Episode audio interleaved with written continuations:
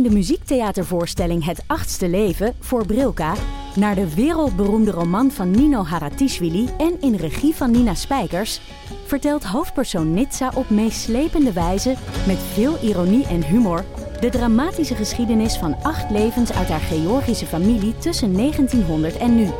Een hartverscheurend en tegelijk troostrijk drama verteld vanuit het perspectief van vrouwen uit verschillende generaties. Waarbij het publiek meegenomen wordt op een emotionele, visuele en muzikale reis door de 20ste eeuw.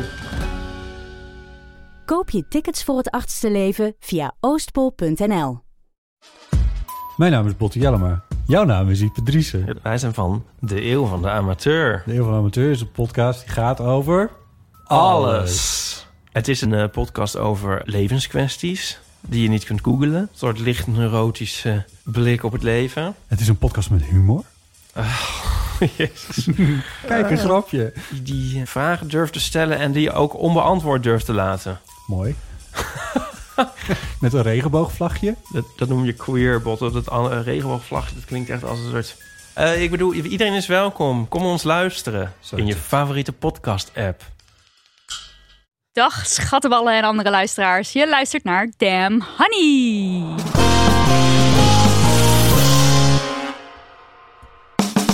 De podcast over shit waar je als vrouw van deze tijd mee moet dealen. Mijn naam is Nidia. En ik ben Marilotte. En voor de mensen die graag de administratie op orde hebben, dit is aflevering 97a. Ja, klinkt zo officieel met die A en B die we de hele tijd hebben. Uh, deel B staat al in de feed, gaat over onder andere het koor.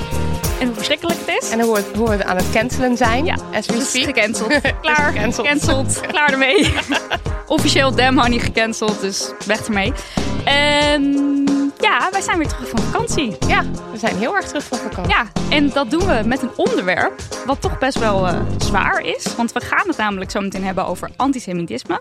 Dus al meteen een, vast een uh, korte content warning. Um, en dat doen we met twee uh, onwijs leuke mensen. En die mensen die ga ik aan jullie voorstellen. Of in ieder geval, ik mag één iemand aan jullie voorstellen. En dat is Liefnat Faber. Hallo Liefnat. Hallo, hallo, hallo. Hallo. Uh, Liefnat is filmwetenschapper, geboorte- en rouwbegeleider. Ze schrijft stukken op haar blog thebedtimeactivist.com. En ze is medeoprichter van OIW. En dat is een Joodse culturele hub in Amsterdam. Yeah. Welkom. Klopt helemaal. Dankjewel. Hallo. Hoi. Nou gaf je net een heel erg fun fact over jouw uh, filmwetenschap site en je geboorte slash rouwbeweeg, uh, rouwbegeleidingssite. Um, en feminisme site. Dat is, dat is een soort driehoeksverhouding. Precies, ja. ja. Vertel het ons. Ik heb onderzoek gedaan naar de manier waarop geboorte wordt uh, vertoond of gerepresenteerd in film. En dat is alles behalve feministisch. Zeg maar, vrouwen hebben nul agency, nooit niet. Maakt niet uit waar ze bevallen. Nooit? Ze... Dat heb je gewoon, dat is, dat heb nooit. Het nooit. Ja, ik zeg het heel stellig, nooit. Maar ik heb onderzoek gedaan naar Hollywood films. En ik heb tien jaar gepakt en daarin een heleboel films bekeken. Dus echt zo, zo uh, random als maar kan ze uitgekozen ook. Gewoon uit IMDb, gewoon de lijst met films waar een tag geboorte bij zat. Ja. Die gedownload en alles gekeken. En uh, ja, één film had een vrouw agency. Het is echt ongekend. op met mij. Ja, we moeten hier ook een aflevering over maken, dat ja. lijkt me duidelijk. Ja, ja, uh, dan ook nog heel even kort over OIW. Wat is dat? OIW is eigenlijk een, een, een open en een inclusieve en uitgesproken Joodse hub in Amsterdam. Uitgesproken zeggen we vaak in het, in het Engels, unapologetically mm. Jewish. Ja. Mooi. Waarom? Omdat we gewoon willen zeggen, wij zijn Joods, kom langs. Uh, dit doen wij, deze shit vinden wij leuk, dit vinden we belangrijk. En echt als onderdeel van, uh, van de stad Amsterdam te zijn. Dus en als je Joods bent, kan je gewoon binnenlopen. Ook als je niet Joods bent, kun je ook gewoon binnenlopen. We zijn een open plek in wording. En sommige events zijn echt uh, zeg maar voor Joden onderling om met elkaar te leren, te discussiëren en uh, dingen uit te zoeken. En andere dingen zijn gewoon weer open voor iedereen die daar belangstelling in Tof, een plek waar je terecht kunt. Ja. ja. En dan, uh, dan heb ik uh, gast nummer twee hier. En dat is Eva de Haan. En Eva is antropoloog en uh, intersectioneel activist. Ook aangesloten bij OIV. En je bent aangesloten bij OIV Acts. Hallo, welkom. Hallo. Leuk. Dankjewel. Kan je wat meer vertellen over OIV Acts? Um, ja, OIV Acts is eigenlijk de activistische tak van OIV. Um, omdat eigenlijk al vrij snel we uh, met z'n allen in OIV, nou ik ben aangesloten toen OIV al bestond, maar um, uh, eigenlijk ook heel erg veel behoefte hadden om we merkten dat we allemaal al eh, in die activistische hoek zaten. In de antiracismebeweging, in de feministische beweging, in de klimaatbeweging. En dat we ook daar graag de Joodse stem willen horen, la laten horen. En onszelf ook echt willen laten zien. Uh, als Joden die strijden voor die dingen. En tegelijkertijd ook de Joodse wereld inclusiever willen maken. Mm. dus het is eigenlijk twee, twee kanten daaraan. Um, en dus we, we, zijn in coalitie tegen racisme hier in Amsterdam. We zijn betrokken bij de klimaatbeweging. Uh, we proberen van alles. En het, is, het zijn grote uitdagingen, maar het is ook heel leuk. Heel leuk. Het, ja, een soort doetank dan. Maar dan is het een denktank en een doetank. Zoiets. Zeker. Ja, ja. ja mooi. Ja. ja. Heel mooi gezegd. Nou, eigenlijk wel een goede... bedankt. Die, die, nemen we mee. Uh, we duiken zo meteen dus in een beetje, uh, nou ja, een beetje zwaar, een zwaar onderwerp, een uh, groot onderwerp, antisemitisme. We gaan het eventjes licht beginnen. Nidia, je hebt een hele vakantie lang gehad om ja. de Femimist in te gaan. En ik ging het. Is het gelukt? Ja. Ik was laatst met een collega, een podcastcollega, aan het kletsen. En het ging over seksspeeltjes. En toen hadden we het over de Satisfier. En toen uh, zei deze persoon dat zij er niks mee had. En toen zei ik, huh? Gebruik je hem wel op de goede plek? dus zeg maar, oh. mijn vertrouwen in het apparaat was groter dan het vertrouwen dat zij gewoon kennis heeft over haar eigen lichaam. En ze zei ook echt zo van ja, natuurlijk zet ik hem op de goede plek. uh, en toen heb ik de achteraf nog wel eventjes netjes mijn excuses aangeboden op de okay. app. Oké, nou, we kunnen voortaan niet meer met vakantie, want het loopt helemaal uit de hand, hoor ik al. Jij, Marilot? Ja, ik uh, was op een festival. En uh, nou ja, daar moet je dus ook naar de wc, zoals dat dan gaat. Uh, zeker als ja, je meerdaags. Meer, als je meerdere dagen ergens bent. Ja, meerdaags. En nou ja, al die wc's, het waren op, op het campinggedeelte, uh, waren het niet de Dixies, maar waren het wel echt doorspoel-wc's. Alleen die zitten alsnog zo heel dicht bij elkaar. En dan heb je zo aan de onderkant en aan de bovenkant, nee, je hoort alles. En ik merkte alweer, ik zat op de wc, ik moest poepen en ik dacht, ik ga geen geluid maken. Of tenminste, ik ben dan gewoon mijn hele, ik denk dat niet eens, mijn hele lijf verkrampt. En ik wil geen geluid maken. Ik ben daar heel erg mee bezig. En toen... er, kwamen, er kwamen meerdere, nou ik denk jongens, zo klonken ze. Dus ik uh, schrijf dit gender nu aan ze toe. Uh, er, er, kwamen meerdere mannen die kwamen uh, om mij heen naar de wc gaan. En die gingen me toch een partij lawaai maken. Het was echt. Scheten zeg maar, laten. Scheten, nou ja, gewoon echt er was van alles aan de hand met hun darmen en ik hoorde Oké, okay, ja. Nou, niet dat ze naar elkaar gingen schreeuwen of zo, maar gewoon nou lichaamsappen. Ja, ja lichaamsappen mm. overal. Ik hoorde maar, maar, ook zeg maar ook gewoon zo van, uh, zo jeetje, nou, dat echt weet je wel dat. Ze gingen gewoon echt een gesprek voeren over dat ze aan het kakken waren. Dat mijn vriend en ook met zijn vrienden. En ik vond het, ik was me zo, omdat ik daar ook zo, ik voelde me er zo tussen zitten. Weet je wel, er zaten er twee daar, twee daar of zo, denk ik dan. En die waren dus zo bezig met elkaar aan het ventileren hoe dat dan ging met dat, met dat kakken en hun darmen. En toen dacht ik echt, oh echt, wat ik er wel niet voor zou geven om gewoon een klein beetje dat, dat dus ook te hebben. Dat je denkt, nou ja, ik bedoel, ik hoef niet per se heel erg uitgesproken lawaaiig naar de wc te gaan. Maar gewoon dat je denkt, oké, nou ja, dit maakt een lawaai. Maakt niet uit of zo. Je kon er wel goed in, in inblenden. Zo van al dat schetig geluid. Ja, ja, ja. Nou, dat ga ik gewoon. Ja, dat kon zeker. Dus dat mee. was, en ik had me dus daarna voorgenomen om dan, als ik dan weer moest, om, om dan dus dat dan beter te doen. Dus toen moest ik een paar uur later, of de volgende dag weet ik niet meer, moest ik weer naar de wc. En ik, uh, liep mee en we gingen allebei naar de wc. En toen, riep, toen ging ik zo zitten en toen riep ik zo, nou, nu ga ik heel veel lawaai maken. En toen klapte er net naast mij in het hokje, uh, klapte er een deur dicht en daar zat ook een jongen. En die zei, nou, ik doe met je mee. En die begon dus meteen... Die begon meteen te borrelen. Maar bij mij kreeg ik kreeg het dus weer niet echt voor elkaar. Ik was weer gewoon zo verkrampt. Dus het was zeg maar echt, ja, het zit zo, het zit gewoon in je lijf. Zo, zo. Mm. Ja, ik vond het echt, uh, ja, uh, diepe indruk gemaakt heeft. Het, ja. Ik heb een vriendin die dat echt heel actief probeert te doorbreken. Die echt zo van de wc komt en zegt, nou, ik heb echt zo lekker gepoept. Ja, dat is. En ja. dan denk ik, oh, zo, zo kan het ook. Ja. Oh, ja. Go vriendin, want het is echt goed ook om dat te doorbreken. Ja. ja. Ik moet het nog leren hoor. Ja, ik, ik ben ook actief bezig ermee.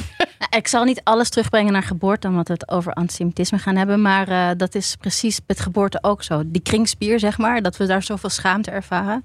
Dat is oh, ook ja, ja, een reactie die je hebt tijdens, ja. tijdens baren. Dat je niet uh, open kunt gaan. hoor. Ja. kunt gaan. Dus ik kan gewoon niet, niet ontspannen op de manier waarop je zou moeten om, om dan de geboorte te kunnen. Zoiets. Zoiets. Ah. Ja. Dus Eh, oefenen met je kringspier is echt super belangrijk. Oké, nou dan ga ik. Dat is dan dus- mijn voornemen om te oefenen met mijn kringspier. Eh, Eva, heb jij nog een, een femimist begaan? Een feminist, ja. Elke dag. Maar ehm, ik was laatst, vorige week, was ik bij mijn vader eten. En, ehm, en mijn vader is gewoon een oude man, achter in de 50, wit, niet, niet gewoon normale man. En die zei tegen mij: Oh, heb je voetbal ge- gezien gisteren? Want kijk ook wel eens voetbal en hij kijkt ook wel eens voetbal. En ik ging echt zo, mijn hoofd, mijn hersenen gingen door elke voetbalwedstrijd die het had kunnen zeggen. Van heeft Ajax gespeeld? Is er, was, er een er is toch, wat, wat is er aan de hand? Er, er, er- echt, mijn hoofd draaide helemaal door. Ik dacht, maar er was helemaal geen voetbal. En toen bezonk het zo'n beetje van, oh, het vrouwen-EK. Oh nee! Vrouwenvoetbal. Oh, het was zo erg. Terwijl ik ben zelf ook wel eens naar de, de vorige vrouwen-EK, wat eh, in Frankrijk was. Ja. Nee, wacht, dat was het WK. Kijk, ja.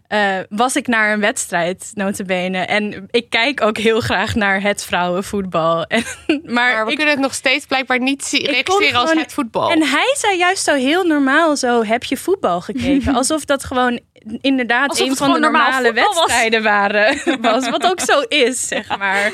En, en ik moest echt zo, voetbal, voetbal. Oh, vrouwenvoetbal. De Maar. Sarina Wiegman, die heeft dus nu gewoon twee EK-kampioenschappen Ja, op ja. Geweldig. Dat is erg geweldig. Ja. Ik vond het ook heel, heel leuk allemaal. Maar Ja, dat, is het, dat is het ook. Liefnat. Nou, ik ging op Kom vakantie. je ook iets opbiechten? Ja, absoluut. Want ik ging op vakantie met mijn, eh, met mijn lief en eh, twee kinderen. En toen wilden ze een film kijken. En dat werd dan volgens mij Lost City, denk ik dan. Met Sandra Bullock en zo. En een hele kleine cameo van Brad Pitt. Zalig. Oké, was heel leuk. Maar op een gegeven moment wordt eh, Sandra Bullock dan verweten dat ze aan het mensplenen is. En zij wordt echt vet boos van dat kan een vrouw helemaal niet doen. En toen zei die, die tegenspeler, zei, ja maar je bent toch feminist? Dan kan je toch alles? Dan kan je toch alles wat mannen ook kunnen? En toen heb ik heel erg hard meegelachen. En ook die kinderen moesten heel erg hard Ik vind dat ook maar dat was zeg maar een educatief momentje, heb ik echt niet aangepakt. Dus dat was. eh, Ja, je had Ja, maar natuurlijk ik had ook echt een... lekker. Ik had het ook echt nodig om even heel fout. Hey, het was te ook, ook jouw vakantie, hè? Mag gewoon. Het was mijn dag, Gewoon eh, lekker ook ontspannen. Nidia die heeft ook de kans gegrepen met vakantie. ging er lekker voor. Oké, tijd voor post. Ja, post. Post. Het poststuk. Hallo Nidia en Marilotte. Ik volg jullie al sinds het begin en heb al zoveel van jullie geleerd. Ik ben groot fan en raad iedereen ook altijd aan naar jullie te luisteren. Jullie inspireren mij en vele anderen. Ga zo door. Mm. Dat jullie werk en dat van ons allemaal en een kritische blik nog hard nodig is, blijkt maar weer uit mijn vraag. Hoe deal ik met een schoonvader die er heilig van overtuigd is dat hij, ik quote zijn woorden, gediscrimineerd wordt als heteroseksuele, hardwerkende witte man in Nederland? Ik kwam niet meer bij na deze uitspraak. Deze uitspraak gaat gepaard met racistische, denigerende en seksistische opmerkingen waar mijn feministische en linkse hoofd van ontploft. De man valt niet te overtuigen, helaas. Maar hoe kan ik het mezelf gemakkelijker maken om niet kokend aan de keukentafel te zitten? Ik heb helaas een lange afstandsrelatie met mijn vriend, dus eh, we zijn nog geregeld thuis bij de schoonfamilie. Groetjes, een anonieme luisteraar. Ik dacht dus, ik las dit en hij, hij heeft eh, gediscrimineerd. Dat hij gediscrimineerd wordt als heteroseksuele hardwerkende witte man. Ik vond het al heel wat dat hij blijkbaar wit zegt. Ja, nee, dat vond ik ook eerlijk gezegd. Toen Dan denk het ik, las. nou, misschien, misschien wil hij nog wel. Of zo. er valt misschien nog wel wat te Ja. halen. Maar verder, echt, eh, hebben jullie meningen of eh, ideeën eh, als je dit verhaal hoort? Ja, dat is, heel, dat is heel heftig en ook een klein beetje herkenbaar, maar eh, mm, een idee. Dat is moeilijk, Het hè? Ja. wat ik dacht was, eh, wat vindt haar vriend daarvan? Zeg Mhm. maar zijn zoon. En, en, en vindt, dan niet, vindt hij dat niet ook verschrikkelijk? En zijn er dan niet verhitte discussies aan de keukentafel tussen die zoon en die vader? Ik dacht, ik dacht een beetje van, moet, moet, moet zijn eigen zoon daar niet iets van zeggen? Ja, interessant, ja. Ja, dus het, het hoeft natuurlijk niet op haar schouders eh, te liggen. Dus als, als je als gast in een gezin komt, is dat altijd moeilijker, denk ik. Ja, plus Ja. het is je schoonfamilie. En je weet, ik weet niet hoe lang de relatie al, al aan de hand is. Maar je wil natuurlijk ook gewoon de relaties goed houden. Je wil een beetje goede indruk maken. Het is denk ik alweer een andere verhouding als het bijvoorbeeld je eigen ouders zouden zijn. Eh is ook niet leuk, is ook kut. Maar eh, Ik dan. ga er trouwens vanuit dat het een zoon was, maar het kan natuurlijk ook een iemand anders. een- Nee, nee, mijn vriend. vriend. Oh, vriend. Vriend, ja, ja. Nee, ik heb het ook nog eventjes gecheckt. Oké, maar vriend. Dus een, een hij inderdaad. Ja, ik vroeg me ook, eh, ook af of in ieder geval zeg maar als, als ze eh, s- vraagt natuurlijk of de anonieme luisteraar vraagt ehm, eh, hoe kan ik het mezelf gemakkelijker maken? Ja, ik hoop wel dat je vriend, zeg maar, hierin, dat je toch een soort front bent. Of in ieder geval dat je er met hem over kunt praten. Want anders is het ook wel weer zo alleen en heel vervelend. Of misschien ook afspraken maken. Ik zou echt even met elkaar inchecken van Ja. waar ligt je grens. En ook kijken hoe je ermee om kunt gaan. Dus bijvoorbeeld als die vader weer gaat, zeg maar in de... Oh, wat ben ik toch gediscrimineerd. Of als hij die kant op gaat, dat je dan een soort codewoord hebt. Of dat je meteen het afkapt en over iets heel anders gaat Ja. praten. En dat je dat gewoon structureel doorvoert. En dat je er eigenlijk geen ruimte voor gaat geven. Ja. Want je vreet jezelf helemaal op. Nee, en het is ook, het is, het, het is je energie eigenlijk niet waard. Ik, ik kan heel erg relaten met dit verhaal. Ik heb ook iemand in mijn leven bij wie dit de hele tijd zo gaat. En het is een belangrijk Dit is persoon. niet, nee, grapje. Inderdaad, Nidia van Voorthuizen. En, maar het, is, ehm, eh, het eindigde tot voor kort eigenlijk altijd in een echte vervelende discussie. En ook nare, een, een nare manier van dan zeg maar weer uit elkaar gaan. Eh, maar de vorige keer dat ik eh, op bezoek was, toen, eh, toen het weer dreigde uit de hand te lopen. Eh, toen heb ik gewoon heel hard gegild. Dit gaan we niet doen. Dit gaan we niet doen. Ik vind het net gezellig. Dit Ja. gaan we niet doen. En toen was hij ook zo van: oké, dan doen we het niet. En toen gingen we het over de moestuin hebben. En dat was gewoon hartstikke top. En ik ging daar niet eens weg met een heel vervelend gevoel. Wat ik wel daarna heb gedaan, is me over het onderwerp waar het over ging. eh eventjes weer iets beter ingelezen voor als het nog een keertje erover gaat. En dat ik, want ik wist nu, ook- ik krijg dan niet meteen met alle argumenten Mm. ook naar boven borrelen, zeg maar. Eh, en dat ik dan misschien de volgende keer wel iets kan zeggen op een vriendelijkere manier. Zodat ik me iets beter prepared voel. Want het gaat wel vaak over dezelfde dingen. Weet je wat ik ook zat te denken? Je kan, dit is best moeilijk misschien hoor, maar je kan natuurlijk gewoon een open vraag stellen. Oh, hoezo? Vertel. Hoe ben je Vertel, dan? je wordt gediscrimineerd. Ja. Vertel, wat, wat vervelend voor je. Want die, eh, meteen die anti-reactie en meteen zo helemaal woestend. Want je hebt natuurlijk al die verhalen in je hoofd van al die Mhm. mensen die wel echt oprecht gediscrimineerd worden. En waar je allerlei gevoelens bij hebt. Maar één stap terug doen en vragen van, oh, wat, wat, vertel eens. Dat is eigenlijk ook wel heel vaak een goede strategie. Ik kan dat zelf niet zo heel goed. Maar ik had, ook niet, hoor. ik had laatst nog met een discussie in onze, dat is al een tijdje geleden, maar toen hadden wij in onze, in onze studio iemand op bezoek die een beetje vervelende eh, dingen ging zeggen. En toen dacht ik achteraf, waarom heb ik niet gewoon vragen gesteld? In plaats van dat ik meteen zo erin ging knallen. En meteen, je gaat soms ook dingen zeggen waar je niet eens zelf 100% mee eens bent of zo, omdat je zo graag je eigen punt wil maken. Ja, en eh, het, Dat werkt ook heel vaak helemaal niet. het is natuurlijk ook zo dat, dat eh, veel. Vaak hoor je ook, je, je moet ook met de mensen met wie je het niet eens bent, moet je het gesprek aankunnen en eh aan kunnen gaan en de verbinding zoeken en zo. En vragen wat, wat het dan is, zodat je ze beter begrijpt. Maar ja, dat is dus ook echt niet aan mij besteed. Want ik sta echt na vijf minuten woest springend te krijsen. Allemaal feiten die ook vaak niet kloppen, omdat ik dan heel erg ga overdrijven. Maar als het je dus lukt om niet de discussie aan te gaan, maar gewoon alleen maar Vragen te vragen, Ja, ja, ja, dan, ja. dan Misschien je kan het je de- zelfs nog kunnen zien als soort interessant kijkje in, eh, in, in het hoofd, Het hoofd. van eh, een, een, van de hardwerkende gediscrimineerde- witte ja, heteroseksuele man in Nederland. Ja. want ergens zit er dus wel enorm iets van, er wordt mij van alles afgenomen of afgepakt. Ja, er, er stond ook weer in, eh, in de Volkskrant laatst weer zo'n column van, eh van Arie Elshout. Volgens mij was de titel. Oh ja, hier, de titel. Ik ben blank, man en oud, dus schuldig. Dat was zeg maar, Mm. dat was de strekking van de column al. En eh, dat, dat was ook gewoon precies Hier hier. krijg al gelijk zweethandjes Ja, van. ik- Zo van Hoe dan? En dan staat er van: je wordt niet meer beoordeeld op wat je doet of gedaan hebt, maar op wat je bent. Ik ben blank, man en oud, dus ben schuldig a priori aan van alles en nog wat. En dan denk je. Ik heb nu zoveel dingen te zeggen. Nou ja, thank god trouwens voor eh, Anja Meulenbelt. Want die had er weer een geweldig stuk eh, antwoord eh, opgeschreven. Wat eindigde met dus leer bij en zei ik niet zo, oude zak.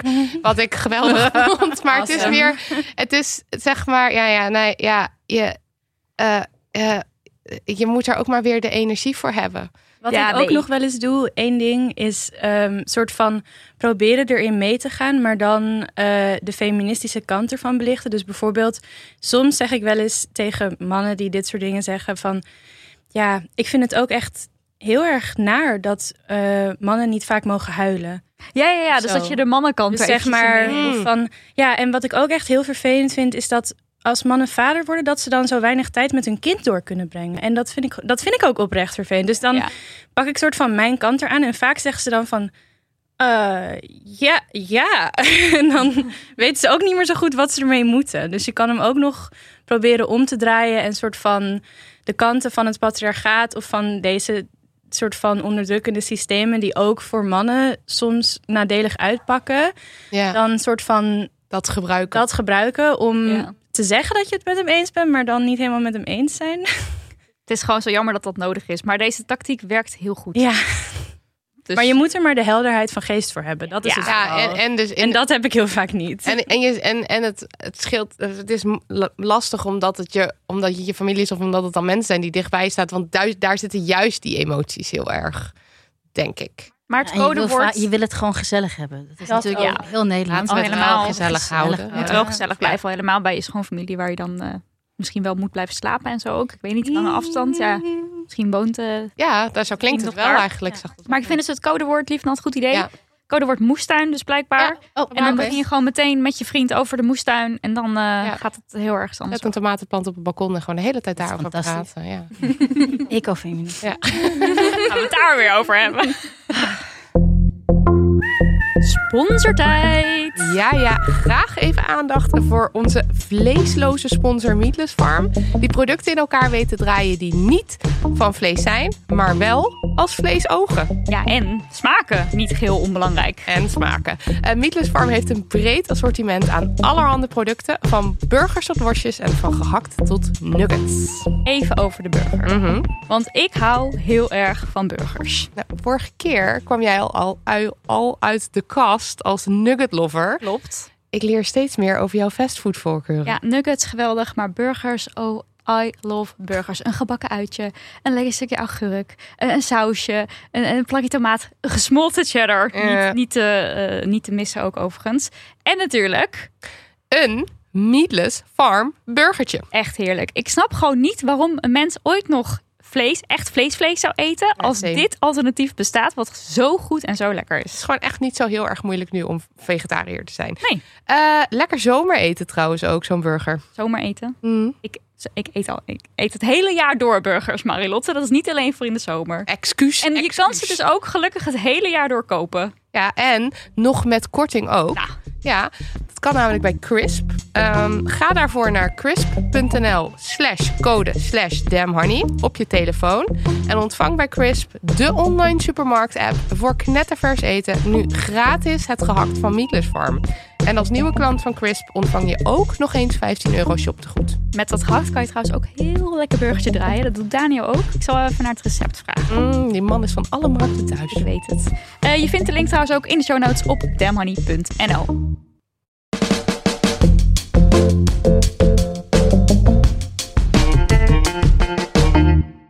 We moeten het even hebben over antisemitisme of jodenhaat. Eh, tot onze grote schaamte komt het idee om een podcast te wijden aan dit belangrijke onderwerp niet van onszelf, maar van een luisteraar. Naar aanleiding van onze aflevering over neuzen met Karel Verbeek. eh, met wie we het ook kort hebben gehad over eh, neuzen in relatie tot jood zijn. En bijvoorbeeld uitgescholden worden voor jood of heks vanwege een haakneus. Eh naar aanleiding van die aflevering stuurde luisteraar Shulamit ons een berichtje dat we het antisemitisme dat daaraan kleeft hadden moeten benoemen en benadrukken. En daar had ze gewoon helemaal gelijk in. Ehm, want als je je actief uitspreekt tegen onderdrukking, dan moet je het antisemitisme ook meenemen. En dat is iets wat niet vaak genoeg gebeurt in progressieve kringen. En dus, Dus- ook bij ons. En dus ook bij ons Ja. niet. Dat is alweer eh pijnlijk duidelijk. Nou, dankjewel Shulamit voor eh, het met ons met de neus op de feiten drukken. Haha. Toch een leuke grap hoor. en, eh, en het is tijd dus om eens in dit onderwerp te duiken. Eh, beschouw deze introductie dus ook nog even een keertje als co- content warning. Want ja, het, het is gewoon het is een heftig en, en naar onderwerp. Ehm, allereerst, Eva. Wat betekent Jood zijn? Nou, ik vind het wel grappig dat die vraag zo vlak na de introductie komt met... oh, het is een heel zwaar onderwerp. Ja, wat want, betekent het? want dan kom je zeg maar bij iets wat je bent, namelijk Joods. En dat, Ja. dat, dat is jammer als dat heel Content. zwaar is. Content en dat een content warning nodig heeft.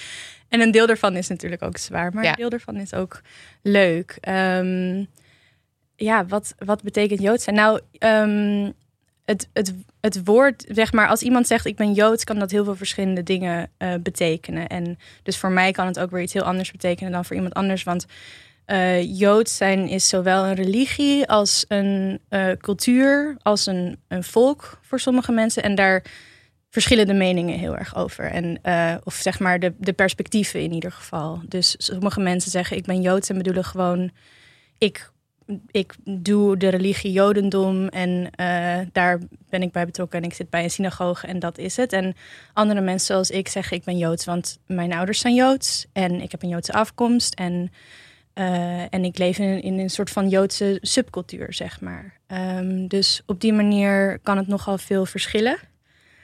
En ik zelf heb ook uh, heel lang moeite gehad met mezelf Joods noemen. Als iemand vroeg, ben je Joods? Of hoe zit dat nou met jouw Joods zijn? Dan wist ik nooit zo goed wat ik moest antwoorden. En dan, mijn tante zei het laatst heel goed. Die zei, ja, ik ben niet niet-Joods. En dat vond ik, ook, vond ik ook weer een hele ingewikkelde. Maar dat komt dus ook doordat uh, ja, wij totaal niet religieus thuis waren. Dus soort van dat klassieke idee wat je in je hoofd hebt van dit zijn de Joden, dat waren wij totaal niet. Um, en dan heb je het bijvoorbeeld over? Nou ja, over uh, elke vrijdagavond uh, Shabbat doen, uh, de, de regels volgen, dus kosher eten, mm. um, alle feestdagen vieren of überhaupt weten wat die feestdagen allemaal zijn. Ik, ik, ik ken er nu wel veel, maar um, of naar Joodse les gaan, bad mitzvah doen, mm. um, allemaal dat soort dingen. En, want het Jodendom is, is niet iets waar je je toe kunt bekeren, toch? Als je kijkt naar het, het, het religieuze gedeelte, of kan dat het wel? Kan wel oh, dat ja. kan wel. Dat, dat is een lang proces en dat is ook echt een serieus proces. Dus daar moet je heel veel voor leren. En uh, ja, moet je, dat duurt wel echt een paar jaar. Uh, en nou, dan onderga je allemaal rituelen en, en dan ben je Joods. Maar, um, maar in principe word je erin geboren. Mm. En dan ben je Joods. En daar, daar zijn ook weer verschillende perspectieven over. Dus sommige mensen, de soort van strenge Joodse religieuze wetten zeggen: je bent Joods als je moeder Joods is en als je moeders moeder Joods is, enzovoort, enzovoort. Dus dan gaat het via de moederlijn, zeg maar. En meer progressieve kringen of kringen die niet zo religieus zijn, die zeggen: nou ja, je bent Joods als een van je ouders, of het kan ook je vader zijn, zeg maar. Dus mijn moeders moeder is bijvoorbeeld niet Joods. En dan ben oh ja, ja. En ja. Zeg maar, volgens de strenge religieuze regels ben je dan niet Joods, ja. maar ja, maar al je andere... Er zitten genoeg ja. Joden in mijn familie om te zeggen dat ik wel Joods ben. Ja, ja. En wat betekent dat voor jou, Liefnat? Nou, um, ik denk dat het even belangrijk is om te zeggen dat voor anderen, als je het hebt over Jood zijn, is het inderdaad vaak of een religie, of het gaat meteen naar de Holocaust, of het gaat naar Israël. Dus zeg maar, als je zegt mm -hmm. ik ben Joods, zijn dat de top drie connotaties of zo die er dan zo opspringen bij mensen. Um, uh, en voor mij is het eigenlijk ik ben geboren in Tiel. en uh, begint al goed. Het bruis in de Tiel. oh my god. Zo so fun. Uh, en in Tiel, ja, wij woonden eigenlijk op een straatje naast een Curaçao's, Antilliaans, Hindoestaans gezin. En daar voelde ik me echt zo vis in water. Dus ik voelde me altijd ook op de basisschool echt wel gezien als de ander. Hmm. Uh, in de context van wie we waren, wat we allemaal thuis deden. Uh, wij zijn niet religieus opgevoed, maar wel met alle feestdagen. Dus super cultureel, uh, seculier cultureel. Um, dus ja, als je zo wordt, als je zo in je jeugd, zeg maar, dat die boodschap de hele tijd krijgt van je bent anders, want je spreekt een andere taal en je doet andere dingen. En dat je je meer comfortabel voelt bij mensen die ook ja, van andere plekken vandaan komen, dan gaat dat stukje gaat soort van nog meer leven in je identiteit. Mm. Wat is dat dan? Waar kom ik dan vandaan? En als ik het zeg maar in een drieslagje moet zeggen, dan is Jood zijn voor mij is als eerste zeg maar de gedeelde geschiedenis met andere Joden, maar met name met mijn voorouders. Dus die komen dan Tunesië en Egypte, dat is waar mijn voorouders vandaan komen. Um, het andere is een soort kosmologie, dus het hoeft niet religieus te zijn, maar wel metafysisch. Dus dat gaat veel meer over wat zijn de verhalen eigenlijk over hoe de wereld in elkaar zit. En, um, nou ja, waarom zit de wereld zo in elkaar? En dat soort dingen. En dan kijk je, in het Jodendom is de maan heel erg belangrijk. We hebben een maankalender, maar die kijkt ook naar de zon. Dus de zon en de maan, uh, hoe die invloed hebben op uh, de feestdagen, wanneer dingen worden gevierd. Um, nou ja, uh, de relatie tot het land bijvoorbeeld, de relatie tot elkaar. Dat hoort allemaal bij, zeg maar, zo'n verhaal over hoe de wereld in elkaar zit. Mm -hmm. En het laatste onderdeel wat voor mij heel erg belangrijk is, het culturele. Dus uh, uiteindelijk zeg maar vrijdagavond, Shabbat. Ik ben niet religieus, maar ik vind het een super belangrijk en heel mooi moment. Waarbij je eigenlijk zegt, oké, okay, nu is de week klaar. we hebben hard gewerkt en nu gaan we echt rust nemen. Dus Ja. een stukje eh, Symbool, radicale ja. rust of zo, dat Ja. is een heel Joods concept. Van op de Shabbat is het gewoon even, gewoon rust. Even unpluggen. En is dan voor jou Jood zijn iets wat je, wat dus ook eigenlijk altijd heel duidelijk onderdeel van je identiteit, echt van je, want je hebt nu zulke duidelijke beelden over wat het voor je betekent. Is dat Mhm. eigenlijk altijd al zo geweest of is dat later gegroeid? Het is absoluut later gegroeid, want mijn moeder die komt, ja, die is dan Tunesisch-Egyptisch Ja. eh, van haar eh, oorsprong. Ze is niet religieus opgevoed. Eh, en ja, we waren, zeg maar, culturele aspect was heel erg belangrijk. Maar op een gegeven moment dacht ik, ja, waarom heb je eigenlijk twee broden, twee galot bij Shabbat? En waarom zijn die gevlochten? En waarom steek je de kaarsen aan of zo? Ik werd steeds nieuwsgieriger naar, ik ben echt een zakker voor rituelen en symboliek. Dus ik Mm. dacht, oh my god, wat is dit? En toen ik later eh, nou ja, in het onderzoek voor mijn scriptie, maar ook in het doula worden en met eh, zwangere vrouwen werken en zo, toen zag je eigenlijk allerlei rituelen, dan die uit Mexico en uit Bali. En je hebt allerlei eh, hele bijzondere dingen die je vrouwen kunt aanbieden. En ik dacht, wat, wat, wat, hebben, de wat hebben wij nou? Wat hebben de Joden nou? Oh, toen ben je daar ingedoken. Ja, ben ik daar enorm ingedoken. En dat geeft, ja, dat geeft heel veel. Omdat, omdat je er dan achter komt van, oh, damn. Hier hebben ze het ook al over gehad, maar echt al heel lang geleden. En er wordt nog steeds over gediscussieerd. En eh, zeker als je het hebt over feminisme, dan is er zoveel wat Joods is, wat eh, al zoveel eh, ruimte geeft voor feministische eh, acties binnen het Jood zijn. Wat in de wereld van vandaag eh, een verademing is. Ja. En eh, even, herken jij ook in, in zeg maar dat het vroeger, nou ja, je zei net al, ik wilde het vroeger niet echt, dat, dat Omarmen. niet echt omarmen, maar nu, nu wel, duidelijk, want je zit bij een, een Joodse culturele Mhm. eh, hub. En ik zeg nu ook, ik ben Joods. Nou ja, dat is best een, een zoektocht geweest. Omdat vroeger was dat Joods zijn had niet zoveel invulling. Dus dat was eigenlijk best wel leeg. En de enige invulling die het had was onze familiegeschiedenis met de Holocaust. Of de enige, het had wel iets meer. We deden bijvoorbeeld wel Pesach. Dat is een hele leuke feestdag. waar ik heel veel van kan genieten. Ehm, maar, maar toch eigenlijk vooral een soort van leed en verlies. Wat Mhm. ook niet echt dan heel erg uitgesproken werd, maar er wel altijd was. En werd wel op bepaalde manieren heel veel over gesproken, maar ook weer niet. Ehm, en toen op een gegeven moment dacht ik van ja, maar als dat deel van mijn identiteit alleen maar daaruit bestaat, als ik alleen maar Joods, Joods ben en dat heeft alleen maar te maken met soort van geweld Ja. en, eh, en verlies en, en moord. eh, dat kan ik niet. Dat, dat, dat, dat, dat, dat, dan, ja, nee, dat hoeft van mij echt niet. En toen ben ik echt wel heel erg actief op zoek gegaan naar, oké, maar hoe kan ik het dan wel invullen? En waar bestaat dat Jodendom dan eigenlijk Mhm. uit? En ja, toen heb ik ook heel nieuwsgierig geworden eigenlijk. En ben ik superveel gaan leren. En ook andere. Ik dacht de hele tijd, goh, wat toevallig. Ik kom de hele tijd allemaal hele le- leuke mensen tegen. En die blijken dan ook Joods te zijn. Bleek natuurlijk ook dat ik daar zelf heel erg naar op zoek, zoek was. Ehm, toen ik op de universiteit zat, eh, heb ik twee hele goede vriendinnen gemaakt. Ik dacht van, nou, wat toevallig, die zijn allebei Joods. Maar dat is natuurlijk ook precies wat me aan hun aantrok. Dat ik dacht, oh, wat Ja. leuk en wat Ja. interessant. En wat doen jullie? En hoe zit dat dan? En oh, goh, wat, wij deden dat eigenlijk ook, maar werd nooit echt benoemd als Joods. Dat waren ook wel veel dingen. Dus Oh, ja. bijvoorbeeld, mijn, mijn ouders hadden ook wel een periode dat ze het dan zeiden van laten we op vrijdagavond met z'n allen gewoon gaan eten met een tafelkleed op tafel en zo. Ehm, eh, en dat dat dan even een momentje was. Nou, ik had nooit bedacht dat dat dan iets Joods was, maar dat zit er dan toch weer in. Ja. En eigenlijk doordat ik daar meer over ben gaan leren, heeft het ook die leuke, soort van mooie kant gekregen. En ja, Waardoor het dus iets waardevols is en wat je, Ja. wat je bent gaan om, omarmen. Ja, al- jullie Ja. allebei dan. ja. Ja. En ehm, ja, kan een van jullie iemand, Iemand? eh, kort, kort iets vertellen over de Joodse geschiedenis?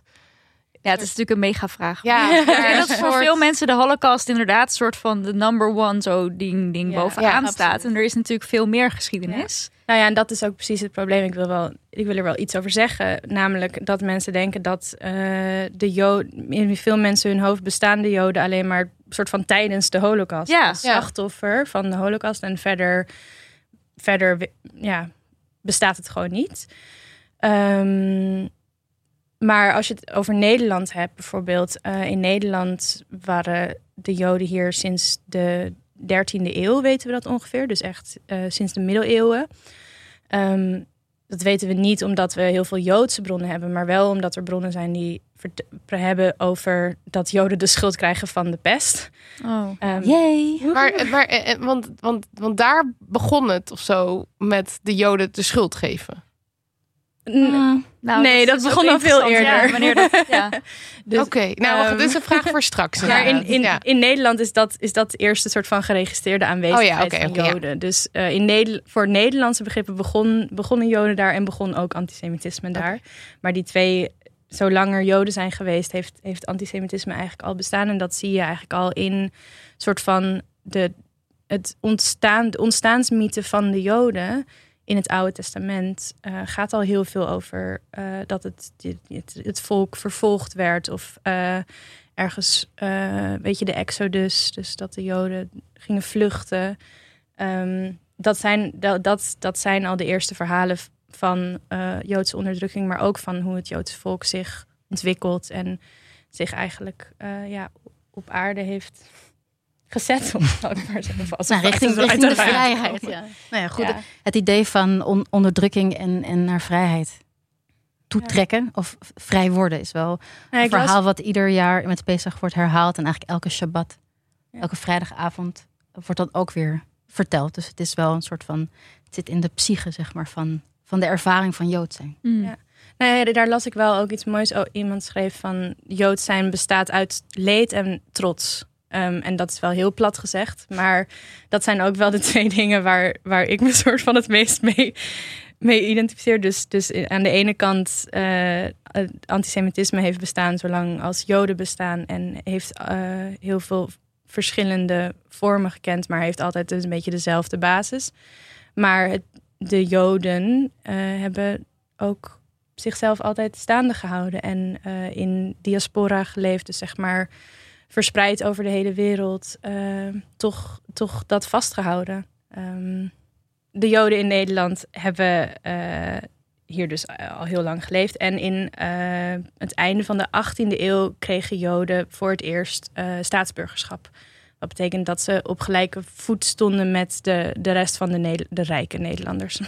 Niet iedereen had dezelfde rechten hier natuurlijk.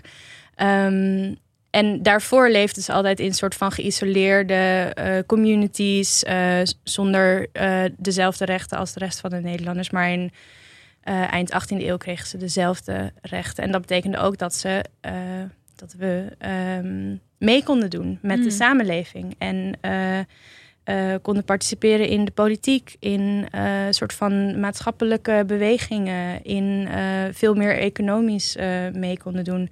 Ehm, en eh, zeker in de 19e eeuw, zo eind 19e eeuw, begin 20e eeuw, eigenlijk voor, vlak voor de Holocaust, eh, was er een hele grote Joodse, bijvoorbeeld socialistische beweging. Ehm, en eh, dat waren Joden die ontzettend geseculeerd waren en, ehm, eh, en ja, heel veel bijdroegen aan de Nederlandse samenleving. Dus het heeft allemaal verschillende gezichten gekend. En toen was er ook antisemitisme. En dat kreeg heel veel ruimte daarna natuurlijk tijdens de holocaust. En dat was er, is er altijd al geweest.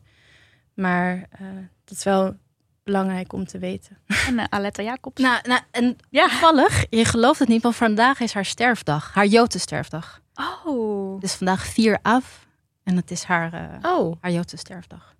Kwam ik toevallig achter toen ik vanochtend het ge- de, de sterfdag ging eh, omzetten naar een Joodse datum. oh. Dus het is wel tof om het in die context even over haar te hebben. Maar ik Ja. denk dat eh, als Eva het heeft over eind eh, 19e eeuw, eh, zeg maar de opkomst van socialistische beweging, maar ook allerlei emancipatiebewegingen, zeker van vrouwen. Er waren Joodse vrouwen, een aantal Joodse vrouwen zijn echt kopstukken geweest in het zorgen dat wij in Nederland eh vrouwenkiesrecht hebben. Annette Jacobs, de eerste Ja. arts, vrouwelijke arts, onder andere in Nederland, maar ook heel erg actief in de vredesbeweging. Eh, en, en, En ook heel veel over ehm, bodily autonomy en zeg maar zeggenschap over je eigen lichaam, geboortebeperking. Ja. Alles wat we nu roepen. Dat Ja, alles. Ja. Daar stond Maar- zij voor. dit gaat heel erg over Nederland. Maar als we dat, als we dat even uitzoomen, dat stukje, en je hebt het over eh, abortus en eh, de, de, de, wat, wat er nu in Amerika eh, aan de hand is. Mhm. Nou ja, goed, de, de judge die daar natuurlijk hiervoor heeft gezorgd dat überhaupt daar eerst wetgeving was. Die Oh ja, dat is Ruth, Gader. Ruth Bader ja, Ginsburg. Ja. Dat was ook een Joodse vrouw. Ehm, in Frankrijk in 75, Simone Veil, zij was daar de minister, van, minister van Gezondheid. Zij is een holocaust-overlevende. En zij heeft daar de wet om abortus mogelijk te maken eh er doorheen gejast. Dus als je, als je een klein beetje uitzoomt en kijkt naar kopstukken in de feministische beweging, zijn het heel Ja. vaak Joodse vrouwen geweest.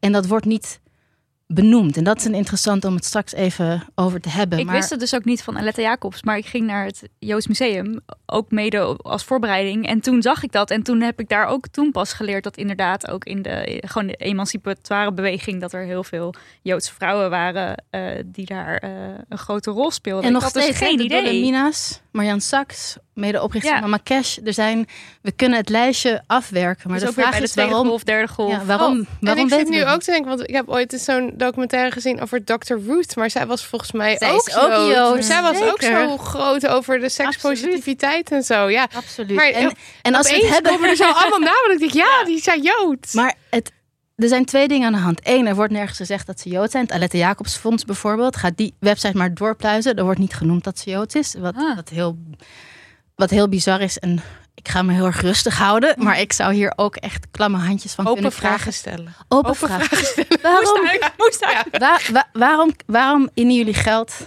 zonder te zeggen dat deze vrouw Jood was? Ehm, nou, dat is een open vraag. Eh, heel goed. Ja. Maar als je dan kijkt naar, dit is dan in Nederland, maar een klein beetje uitzoomend naar Europa. Eh, allerlei andere kopstukken, Emma Goldman, anarchist. Eh, en ga zo maar door. Ehm, en als je dat dan koppelt aan, zeg maar, Joodse wet en hoe die ehm, eigenlijk de autonomie bij de vrouw legt, alles rondom geboorte en abortus als het voor de vrouw ongezond is, dan wel fysiek, mentaal, dus ook mentaal, als zij het niet wil, is er ruimte om abortus te plegen.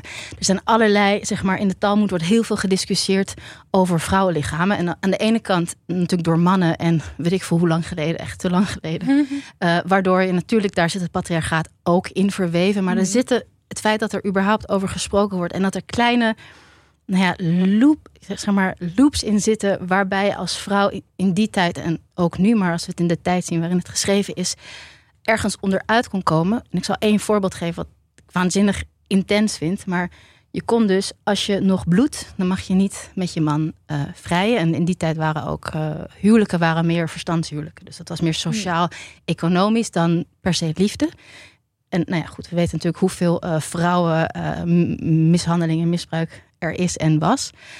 En er is een wet die zegt, als je een, ehm, een druppel bloed ter grootte van een mosterdzaadje kunt laten zien, dan ben je nog steeds tussen haakjes onrein en hoef je niet geen seks te hebben met je, met je man. Maar natuurlijk een bloeddruppel ter grootte van een mosterdzaadje, dat kan je doen door gewoon een Ja, een te doen. Dat soort, er werd zeg maar over gesproken, er wordt nog steeds over gesproken. En het is dus niet zo heel erg toevallig dat er zoveel Joodse vrouwen in de feministische beweging terecht zijn Hmm. gekomen. Eh, re- religieus of seculier. Ja, en nog even, als we nog even teruggaan naar zo van, goh, waarom weten mensen dat niet? En want ik kan me daar ook heel erg over opwinden. En ik vind het ook altijd heel leuk om te doen van, en weet je, zij was Jood. Dat is een soort spel bij ons thuis. Ja, dan, zeg ik, dan precies. komt er weer iemand op tv en dan zeg ik, die is ook Jood. Die is ook Joods, hè? nou ja, dat is heel grappig. Maar ehm, ik, dat hangt natuurlijk ook heel erg samen met dat we in Nederland heel weinig weten over wat Joden zijn. Waar komen Joden vandaan? eh, wat is dat, Jood zijn? Daar, er is gewoon helemaal geen kennis over. Eh, en, en, en daar hebben mensen het ook liever niet over. Eh, ik denk, en dit is een hele vrije interpretatie, maar ehm, om, omdat daar zo'n naar verleden aan kleeft en omdat er heel recent een genocide is geweest, die mensen niet onder ogen willen komen. Of Mhm. dat, dat is ook heel moeilijk om te doen. Ehm, en dat we daarom maar gewoon eh, nergens over hebben als het om Joden gaat. En dus ook moeilijk vinden om gewoon te benoemen. Nou, Aletta Jacobs was Joods, leuk hè? Of eh, eh, op die manier erover te praten. Ehm, dus dat dat, dat dat eigenlijk een beetje uit het bewustzijn is verdwenen. En eigenlijk dat bewustzijn helemaal over is genomen door, door drie zeg maar door de Holocaust, door Israël en door een soort van vaag beeld van wat de religie is. En heel soms, als we het over voetbal hebben, kunnen we het nog over de Ajax hebben. En de Joden. Oh, ja, ja, ook, ja, ja, ja, ja. Dus zeg maar, dat, dat zijn de verbindingen die Ja, mensen ja, ja, maken. ja. Maar dat, dat laat eigenlijk zoveel daarbuiten. En dus ook deze hele geschiedenis. En eh, ja, eigenlijk alles wat daar mooi aan is. En dan door, door die grote onderwerpen zijn mensen überhaupt al bang om vragen te stellen of het onderwerp aan te snijden. Terwijl daar. Nou, ik denk gewoon dat in Nederland, en dat is ook een stukje Joodse geschiedenis, dat na de Tweede Wereldoorlog er eigenlijk, zeg maar, het bewustzijn dat er een genocide is gepleegd hier, eh, minder dan 100 jaar geleden, is gewoon niet ingedaald. Maar het is ook toen ook eigenlijk niet erkend. Of er was. Nee, Nee, je hebt dus- gelijk. Ja, qua dat de, Nederland kan heel erg doen van. Nou, wat waren wij goed. Nee, het narratief Wat was natuurlijk van het verzet. En dat ja, is- precies. ja, ja, En dat is wat en dat niemand zat in het willen verzet. horen. En dat was, we gaan even geen percentages Hier, hier zijn de maar- documenten. Dat was wat niemand. Nederland deed. Ja. Nou ja, ondertussen, ik, Ja. ik heb wel eh, percentages en cijfers, zeg maar. Eh, voor de oorlog waren er 140.000 Joden. Na de oorlog waren er 30.000 Joden. Ja. En, harde eh, cijfers. dat Ja. zijn gewoon harde Ja. cijfers. En Maar ook in vergelijking tot andere landen. in vergelijking tot andere landen is hier zeg maar ongeveer het grootste aandeel aan Joden eh, gedeporteerd. Ja. Dat is omdat de Nederlanders heel welwillend waren met meewerken. Ja. En En dat komt omdat er heel veel antisemitisme was en nog steeds is. Maar ook na de oorlog eh, was het er nog gewoon. Als je krantenberichten uit, eh, weet ik veel, 46 of zo bekijkt... dan worden Joden nog steeds in allerlei kranten aangeduid... als zeg maar minderwaardig of eh, het probleem van de samenleving of wat dan ook. Joden die terugkwamen, die werden dat met een nek ja. aangekeken kregen. Hun huis Ja. terug, Ja. weet ik veel wat. Ja, ja, zijn- want ze hadden al vier bijge- jaar geen huur betaald. Ja, dus dan wordt je huis uitgezet. Dus het hele idee van... Kijk, als je het hebt over Joodse geschiedenis in Nederland... is dat gewoon heel erg belangrijk als context. Van, eh, mensen zijn heel comfortabel met dode Joden zoals Anne Frank... die dan ook nog heel... Weet je, de- daar, daar, dat is Ja, een jong en onschuldig heel... heel, zo, hè? Ja, maar die schrijft ook ja, een soort van... Als er ergens een soort van verontschuldiging in zit... ook naar de rest van de samenleving... dan vinden we het allemaal heel lekker om, het zo, eh, om, om, om, ja, om daar aandacht aan te geven. Maar als je kijkt naar, weet ik veel... eh, meer eh, ghetto eh, gedichten in het Jiddisch of zo... die waren helemaal van overlevenden of zo... die zijn helemaal niet zo aardig tegen de, de, de zeg maar... Het, de mensen die dit deden, zeg maar, Mhm. de, de burgers van allerlei Europese landen die Joden hielpen deporteren en zo. Maar dat, dat lezen we niet op school, want dat is gewoon best wel intens. Ja, dat is te moeilijk. Dat is te moeilijk. Ja, Dat is ook niet Dus- gezellig. Daar houden Nee, we niet niet van. En we houden van gezellig. Nee, dus Ja. eh, ja. ik denk eh, dat een beetje. En als we dan antisemitisme, dit zijn hele duidelijke voorbeelden natuurlijk, maar als je, ehm, nou, laat ik het zo zeggen, wat zijn verschillende manieren waarop antisemitisme zich kan uiten? Ja, daar hadden we het even over voordat we hier kwamen. En toen dachten we, we gaan gewoon even beginnen met een paar voorbeelden uit ons eigen leven. Nou ja, als Ja, je dat wil delen, dan mag dat zeker, ja. Ja, dat willen we heel graag. Nou, Eva. ja. you go.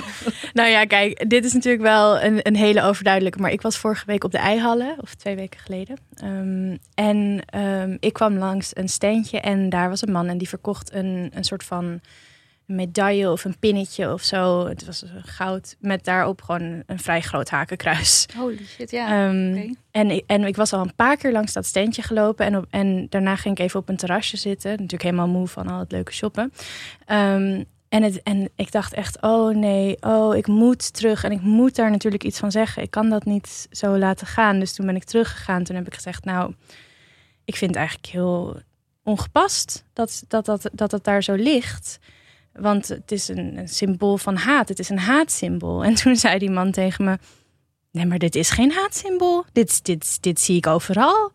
Wat? En, eh, Nou, daar heeft hij gelijk in. ja, je ziet nee, het ook overal. Je ziet het in het de ook metro, je ziet het in de trein. Ja. Maar, en, en toen dacht ik, oh nee, ik sta tegenover een nazi. Eh, en, en toen zei hij nog van, ja, nee, maar weet je, het was van mijn familie. Oh. dat maakt het niet beter, oh, meneer. Nee, dit, dit maakt het al helemaal niet beter. Dus het was, het was gewoon één grote nare... Ik heb toen ook niet gezegd dat ik Joods was. Ja, ik dacht echt, ik hou mijn mond. Ehm, en toen, ik, ik was er dus iets van te zeggen. Toen kwam er nog een vrouw bij me staan. Die zei, die, die, die stond me bij. Die zei eigenlijk van, ja, dat ik vind het ook echt niet kunnen.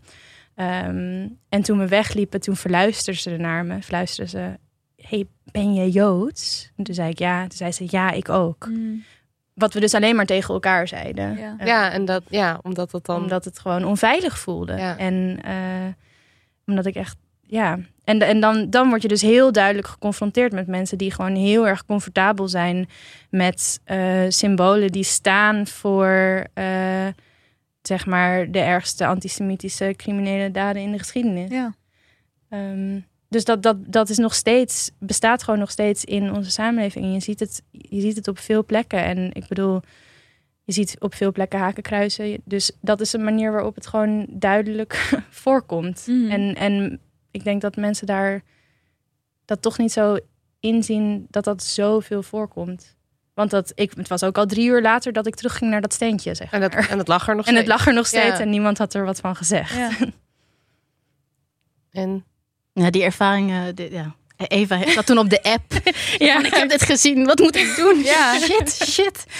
Dus toen, ja, dat was, dat doen we wel heel erg vaak met elkaar, zeg het is maar. ook zo Onder- kut dat je dat dan als, als Joods mens zelf Ja. daar dan wat van moet zeggen. Ja, want er liepen ook nog mensen voorbij en die staken hun duim naar me op. Toen dacht ik, oké, Zeg zelf maar wat. Ja. ik sta hier dit te doen, zeg maar. Ja. En ik vind het eng. Ja.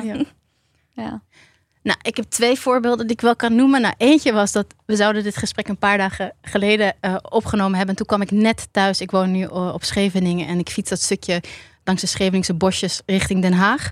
En dat hangt helemaal vol, echt elke week, met eh, allerlei racistische stickers, maar ook heel veel antisemitische stickers. Eh, en die dag daarvoor, die avond, was ik teruggefietst. En toen was er gewoon een stukje I love Hitler. Oh, met een I hartje en dan Hitler, zeg maar, zonder de I en de E. Ehm, Om het even leuk te stylen. ja, het is Ja, heel goed ja. gestyled was het. Maar ook Duitsland, Duitsland, über alles. En allerlei andere echt meuken waarvan echt het bloed ging eh, stollen. Mhm. Nou, die, die haal ik er dan af, maak ik foto's van. En daar wordt ook geregeld overheen geplakt. Dus ik voel me daar niet helemaal alleen in. ja. Maar ik denk wel, eh, er fietsen zoveel mensen langs. En niem, dat valt niemand op. Ik word gewoon helemaal, zeg maar... Ja, of Dat ze is- fietsen langs en ze registreren het, maar ze doen niks. Zoals wat jij Ja, maar- dan had bij dat hakenkruis. Maar dat is het dus. Dus je hebt één, antisemitisme. En twee, wat wordt er aan gedaan? zeg Ja. En hoe voel, hoe, voelt dat, hoe voel je erbij? En het andere voorbeeld had ik een tijdje terug. Zat ik in een cafeetje op Scheveningen. Heel, heel leuk surfcafeetje. En toen stond opeens een man op. Die zat aan een tafel. Oh, en die zat aan een tafel met allerlei andere nou, gewoon gasten. En die stond op en die had gewoon een, een, een, een weet ik veel, een weermacht of zo uniform aan. En ik schrok heel erg, want het waren Ja. en met, zeg maar, met boots en al. En hij stond daar zo en hij keek om zich heen. Haha, dit is niet wat, hoe het eruit ziet. En ik zo, hè? En die man loopt weg en die hele groep loopt weg. En ik, ik heb echt een knoop in mijn buik. En, en, en niemand doet wat. En ik, ik bevroor. En de eh, café, eh, weet ik veel, de, de barista loopt naar de tafel en haalt daar het verkleedkleding eh eh, plasticje Oh, van de ja. tafel. En er staat op World War II German soldier. Dus echt waar de grond viel onder me vandaan. En nog steeds niemand die wat deed. En die mannen stonden, nog- die liepen buiten een beetje heen en weer op Scheveningen. Nou, en ik, ik had het gewoon niet. En dit is echt wel vaker gebeurd dan dat ik, dat ik gewoon niks doe. Ook voor eigen veiligheid. Ook, maar ik kan niet meer. Nee. Zeker Ja. sinds er OIV en OIV Act zijn begonnen, is het gewoon. Ik heb nul tolerantie tegen racisme en tegen antisemitisme. Dus ik ging erop af met mijn mobieltje zo vanuit de heup gefilmd. Ja. En ik heb een open vraag gesteld: van waarom heb je dit aan? Ja. Wat ben je aan het doen? En wat Kwam- was het antwoord? kwam super lacherig antwoord van ja, dat vinden we gewoon leuk. En ik heb dat pak van hem gekregen. En er stonden echt acht mannen omheen. En ik zo, huh? En het voelde een beetje zoals locker room talk. Weet je wel? Dat is een beetje zo. ehm, ik kan het niet uitleggen. lollig. Ja, lollig, maar er is iets, zeg Ja. maar. Weet je wel zo. Ja. Ja, het, het is, het, ze, ma- ze weten dat ze het onveilig maken. Dat, is, Ja. dat zweert je. Exact dat sfeertje. En toen werd hij boos dat ik hem aan het filmen was. Want hij wilde niet dat het op het internet kwam. Toen zei ik, ja, omdat je een nazi-pak aan hebt. Ja. Of zo is Ja. dat het. En eh, ik heb het daarna op het internet gegooid. Eh, natuurlijk. Toen heb ik mijn telefoon uitgedaan. Toen ben ik, heb ik doorgevraagd. En toen zeiden ze, nee, het is vandaag een hele speciale dag. En daarom doen we dit. En eh, het is gewoon heel leuk voor ons. En zo verkleden wij ons. En toen had je nog meer dat gevoel van, wat de fuck is hier aan de hand? Ja. Nou, toen zijn ze weggegaan. Toen ben ik echt hyperventilerend in elkaar gestort. En gewoon omdat je. En dat is zo bizar, maar er gaat gewoon iets door je heen. Wat niet per se van mij is. Ik heb helemaal geen holocaustgeschiedenis in mijn familie, dat ik weet. Mhm. Maar het is gewoon het collectieve verhaal van gewoon haat tegen Joden. Dat je, Ja.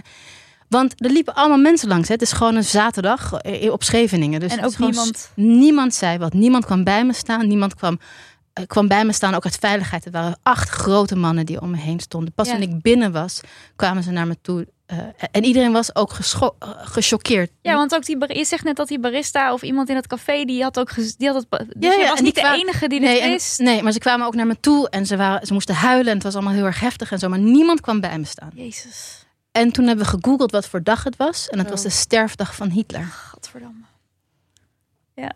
Dus eh, zo op die manier kun je, dat, eh, kun je dat tegenkomen. En op een trein terug van Duitsland was er een man met zo'n Ja. 15 centimeter groot hakenkruis getatoeëerd op zijn arm. Holy en een shit. andere man, ik, ik had voor het eerst mijn, eh mijn Davidster kettingje om, die de hele tijd ernaar zat te staren. En toen ik de trein op ging, me zeg maar, eh, nou ja, hoe noem je dat, aanranden.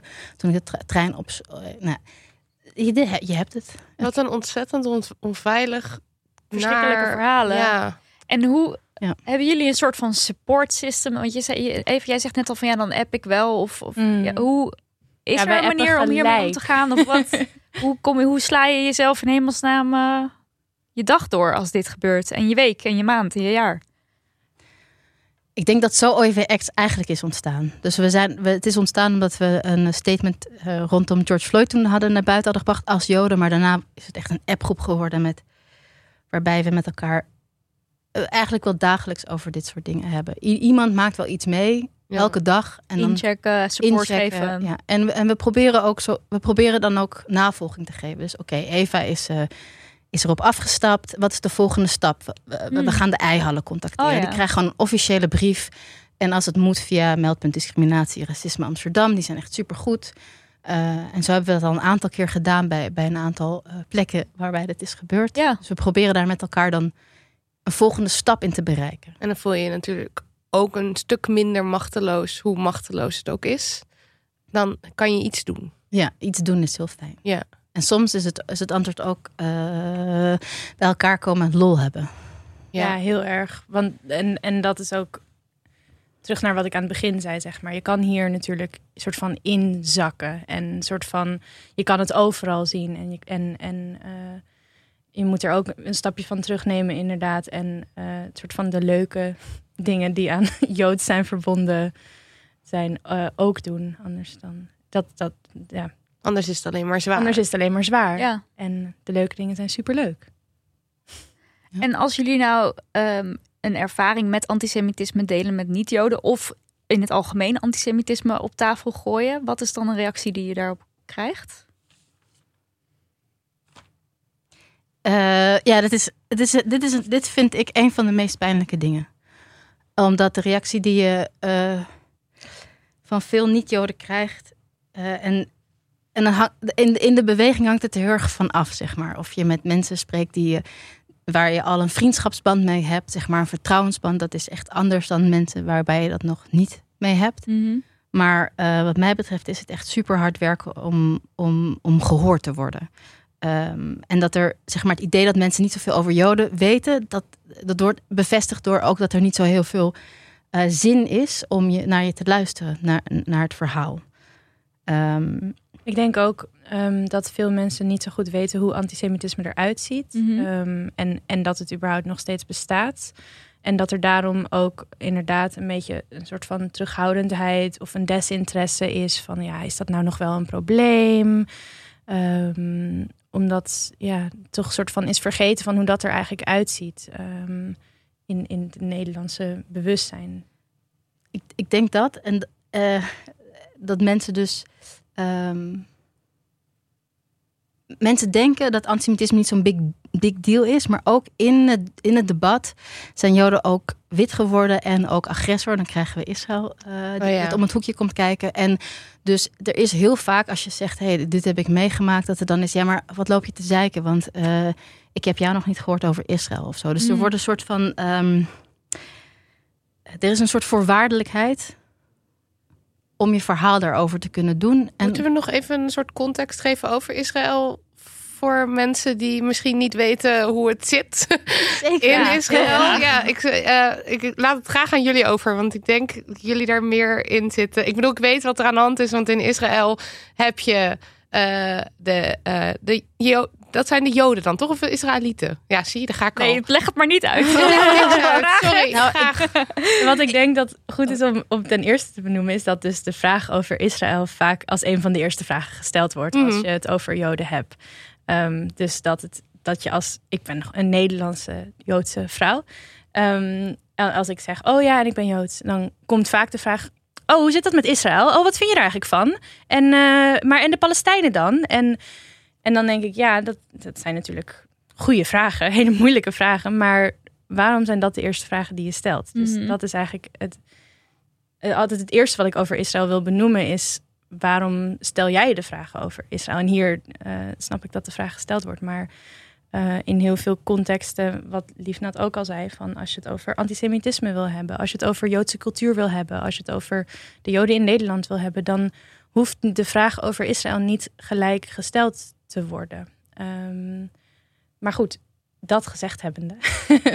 En dan bedoel je met de vraag over Israël is... wat vind jij daarvan? Toch? Ja, Niet zeg en- maar... En is dat een soort is van denk- antwoorden eerst. Ja. Je moet eerst een soort van zeggen, Ja. daar ben ik tegen. Maar of ik zo. denk dus dat, er, dat wij ook wel echt wel luisteraars hebben... die niet snappen waar wij het dus nu over hebben. Ja. Dus wat überhaupt... eh, Nou, ja, eh, Israël je, is. Ik, Ja. ik, denk, ik denk, ik heb, ik heb, ik denk niet dat we over Israël dat dat eh, het onderwerp van het gesprek Nee, eh, absoluut moet worden niet. en ook niet politiek Israël, maar ik denk dat ehm, er in Nederland eh, eh, een conflatie is tussen Joden en Israël. En daarmee bedoel ik, als je zegt het woord Jood, dan betekent dat in de, in de context eh, van vandaag heel vaak oh Israël, want Israël is, weet ik veel, de- homeland of the Jews, of in ieder geval dat is na de Tweede Wereldoorlog is dat opgericht in 48. En voor heel veel Joden, ook in Nederland, is dat idee van dat, dat er een, een plek is waar ze veilig zijn. Ja. En ik denk dat dat daarvoor is belangrijk het ook opgericht. Ja, en daarbij profileert Dus een Israël vraagteken zich, erachter hoor. Ik weet dat niet. het profileert zich als een Joodse staat. Dat is, Oké, dat ja. is belangrijk om te zeggen. Ja. Dus zeg En, maar, en hoe het is opgericht of waarom en, en welke lijntjes da- daar allemaal in meespelen. is een andere podcast. Dat is echt, dat Ja, is echt een andere Ja. podcast. Want dat is, dat is echt wel eh, next, next level ingewikkeld. En ik denk dat we gewoon heel helder kunnen zeggen dat de rechten van Palestijnen dagelijks worden geschonden Ja. door Israëlische bezettingspolitiek onder andere. En dat, eh, dat we daar absoluut op tegen zijn.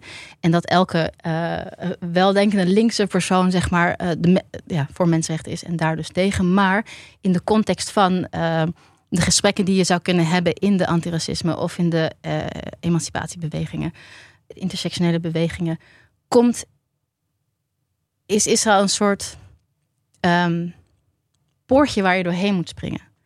Je moet eerst even bewijzen van... eh, Je moet zeggen, je moet eigenlijk wat ik net zei. je moet bewijzen dat Dus je ik- de ik- Palestijnen niet dood precies wat je... Ja. Nou, Precies, dat, ja, dat. precies Ja. wat je maar net heel deed plat eigenlijk. Ja, gezegd. ik deed het net en terwijl ik het deed, dacht ik, oh, ja, Ik zit het weer te doen. Ik zit het Ja. weer te doen. Ja. Maar je hebt het wel goed gedaan. Oh, dankjewel. Nu, Ja, nu maar- kunnen we met je praten, want nu weten we dat jij de goede kant bent. Dat Ja. is toch eigenlijk Nou, wat dat de mensen duurde wel een uur. Nee, maar dat is en kijk, het klinkt nu een beetje plat, maar het is echt, het is echt, het. Iedereen, kijk, we hebben het er vaak over gehad. We hebben het er ook vaak over. Bijvoorbeeld ook in een podcast met bij Pakkers de Zwijger of wat dan ook. En je krijgt er heel veel shit. Ik heb het daarover echt veel shit over me heen gehad. Hmm. Maar als je erover nadenkt wat het met ons doet. De hele tijd als je wil zeggen, als je bijvoorbeeld een verhaal wil vertellen, dat je die stickers dan weer overal ziet. Of dat je eh, nou ja, al- al die dingen die we, Mhm. die we net noemden. Maar dat het voordat je hebt gezegd dat je inderdaad, zoals Eva zei, eh, Palestijnse kinderen niet dood wil of zo. Ja? Ehm, dat je dan pas mee mag praten. Ja. Daar zit iets heel naars in. Ja.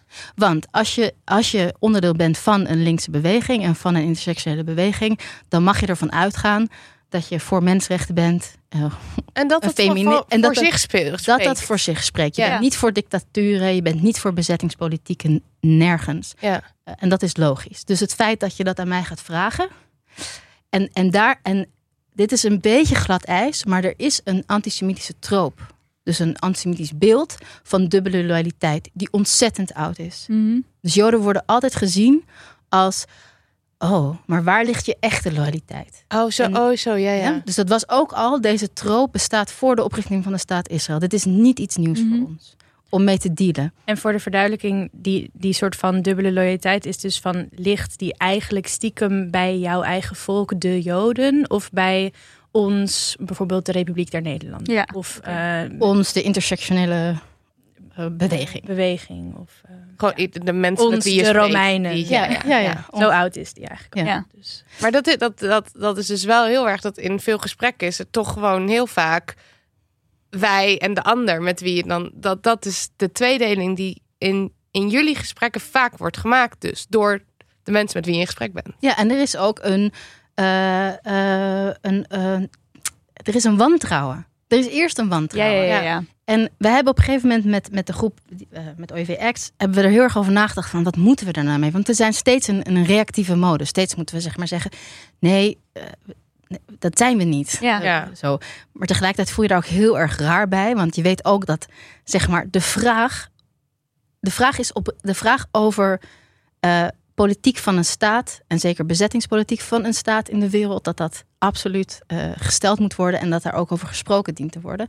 Maar als een Jood, alleen een Jood, die vraag krijgt over Israël en de hele tijd, en anders mag je niet meedoen, daar zit een verschil. Maar op een gegeven moment hebben we toch besloten dat we, eh, nou ja, dat we eigenlijk onze grondbeginselen online gaan zetten. En dat hebben we gedaan en daar hebben we heel lang over gehad, want zeg maar drie Joden, 36 meningen. Dus dat, ging- dat, ging, dat was echt We hebben er echt letterlijk twee jaar over. ja, we hebben er, ja, en het is echt heel goed. Ik, iedereen moet het lezen. Maar zelfs als we het hebben, eh, worden we aangesproken op dat we. Nou goed, en daar wil ik helemaal. Dat is echt weer een andere podcast. Maar dat we ontzettend sionistisch zijn of ontzettend anti-sionistisch, maakt niet uit. Van allebei de kanten. maar iedereen heeft een mening. En sionistisch betekent? Sionistisch betekent dat heeft. Nou ja, eh, in de volksmond van de intersectionele beweging zou je dan zeggen dat je voor de staat Israël bent, inclusief bezettingspolitiek. Maar Ja. dat is Ja. niet de betekenis van het woord sionist. Dit vind ik dus allemaal, dit is ingewikkeld. Ja, Ja. Er zijn zoveel woorden en er wordt zoveel op één hoop gegooid. En het, is, het, dat klopt gewoon niet om dat allemaal aan elkaar te linken. Maar dat doen mensen dus wel de hele tijd. Mijn antwoord Oh, je bent Joods vraag- en dus, dus dit en dus vind je dit en dus... eh, maar ze weten niks. Ik bedoel, we weten niks. We hebben geen kennis Ja. over, over zeg maar, het Jodendom, wat Joods is. We hebben dan Ja. die de Holocaust dit en Israël dit. En dan daar. Oh, je bent Joods, wat vind je daarvan? Ja, en eerst precies. moet je je bewijzen. Ja. De, ik, zou je dan kunnen zeggen, er is een soort omslagpunt waarop Israël kritiek wel degelijk antisemitisch wordt? Ja, die is heel simpel. Dat is namelijk als je antisemitische tropes toevoegt. En een trope is weer een, een, een, een beeld. Een- dus bijvoorbeeld, Joden zijn, eh, zijn de, de, de poppenspelers achter de schermen. Of Joden zijn de duivel met, eh, met hoorntjes. Of eh, ze drinken kinderbloed. Dat soort dingen. Maar dit gaat echt jaren terug, hè? Want ik- ik kan me voorstellen dat luisteraars, dat er luisteraars zijn die denken: hè, zijn er mensen die dit denken, die dit zeggen, die dit vinden? Oh, Maar ja, nog steeds? Ja, Ja, maar precies, ja, maar dit nog steeds. leeft nu heel Ja, erg. Oké. Ja, Het idee, het idee van, de, van, van, van eh, het bloedsprookje, blood libel, dus dat Joden kinderbloed zouden gebruiken om eh, matzes voor Pesach te, te, te maken. Dat- Weet, oh wow, oké. Dat Ja. is- oh god, Ja. wat een... Oké, dus ja, antisemitisme heeft, kent heel, heel veel gezichten, maar in de middeleeuwen en de renaissance was het ontzettend christelijk. Ja, hallo, hallo christelijke kerk. Ja. Het was heel erg christelijk. Ja. En eh, eh, je ziet overal in Europa, maar we kunnen het voorbeeld nemen van Simon van Trent. Eh, en, en dit was een jongetje van twee, geloof ik. En die was op een gegeven moment vermist en die is doodgevonden. En de Joden werden daarvan beschuldigd in Trent. En toen werden ze, of een heel groot deel daarvan, we werden gemarteld en gefolterd totdat ze zeiden: ja, we hebben het gedaan. Mm. En, het, en, en wat door heel Europa steeds terugkomt, is het bloedsprookje. Joden gebruiken bloed van christelijke kinderen voor hun duistere rituelen. Eh, uiteindelijk zijn de Joden ook uit Italië eh, verdreven. Nou, dan heb je in 1492, heb je, dat is een bekende datum voor eh, de verdrijving van de Joden uit eh, Spanje en Portugal. Nou, ik was net, dus vakantie was in Andalusia, waar dus de Joden zijn verdreven. Ehm, en dat zie je eigenlijk in heel Europa, dat er dus overal de hele tijd Jodenhaat is in allerlei vormen. Maar het bloedsprookje en de christelijke eh, grondslag daarvan was heel sterk. En ook in de complottheorieën Ja, het die bloedsprookje. nu gaande zijn rondom bijvoorbeeld corona, Ja. zit het ook weer. En dat is de, de QAnon, toch? Zo heet het in. Amerika. Dat is daar, daar eh, dat, komt, dat zit daarin. Dat Dat zit daar bloedsprookje. Dat zit er ook andere. in. Maar er zit ook in dat Joden de macht hebben, eh, de kabal, de achter de schermen, de, de wereld naar de kloten helpen. Want dit was, eh, Thierry Baudet heeft vorige week of zo nog iets ge- gedeeld op Twitter over een, een antisemitistisch ding. Hij, hij heeft gewoon op Twitter dat lopen bevestigen. ja, de- hij is ook een antisemiet. Ja, Ja. Heel duidelijk. Ja, ja nee. Je kan ook een Ja, Joodse maar- vriendin hebben en antisemitisch Ja, zijn. dat kan. Blijkt dus. het is mogelijk. Maar, ehm, en, en, en bijvoorbeeld ook uit onderzoek eh, recent bleek dat de FVD eh, ver uit oh, de grootste percentage tweets en dergelijke eh, repost van antisemitische accounts. Ja. Eh, en dat eigenlijk op die manier super normaliseren. Ehm, vooral online wordt dat dus echt super eh, genormaliseerd en heel erg verspreid. En, eh, en het is een soort van taalgebruik met antisemitische ondertonen en, en ideeën over eh, Joden of een soort van vage globale elite die dingen. De Maar dan hebben, ze, globalisten. dan hebben ze het dus over Joden. Ja, dat het zijn elite. Ja, ja, ja, hebben ze het precies. vaak over Joden. En, en, en er zijn mensen die niet weten of snappen dat het over Joden gaat. Maar er zijn dus een groep mensen die echt heel duidelijk wel weten dat het over Joden gaat. En, en daar kwade bedoelingen mee hebben. Ja. Ehm, En de mensen die het niet weten, die doen er wel degelijk aan mee. En die verspreiden het ook weer door. Ook al zijn ze Ja, dat zijn dan meer soort. Dan gaat het over de ruggen van die mensen. Maar die, hebben dan, die weten dan niet per se dat het daar vandaan komt. Maar ze zijn net zo hard deelgenoot ervan.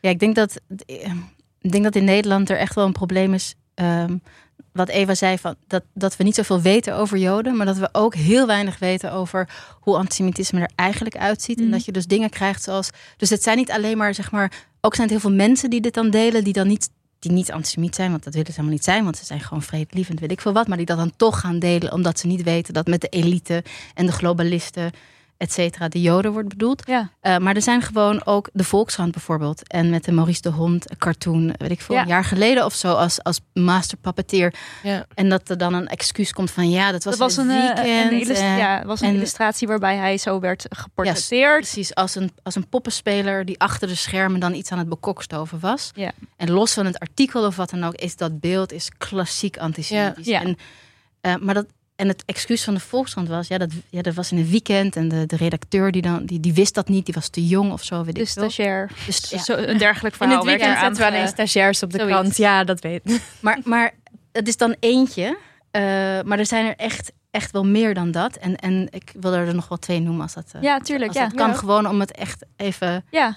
eh, Ja, concreet, concreet maken. te maken. En hoe bizar dat dan is. Dus er is gewoon een gebrek aan kennis. ja. En dus eh, tiert het welig. Eh, je hebt, eh weet ik veel, Tijn Tauber die een tijd geleden eh, is een soort Hij is een soort van wellness. wellness guru. Die de protocollen van de, de Elders of Zion, zeg maar het eh, antisemitische handboek, ongeveer aan het promoten was rond kerst. En die zei, ja, die werd er uiteindelijk op, op aangesproken. En die zei, nou, maar dat wist ik helemaal niet. Nou, dat weet ik echt niet. Nou, oké. Ik rol met mijn ogen hier in mijn oogkassen. Echt. ja.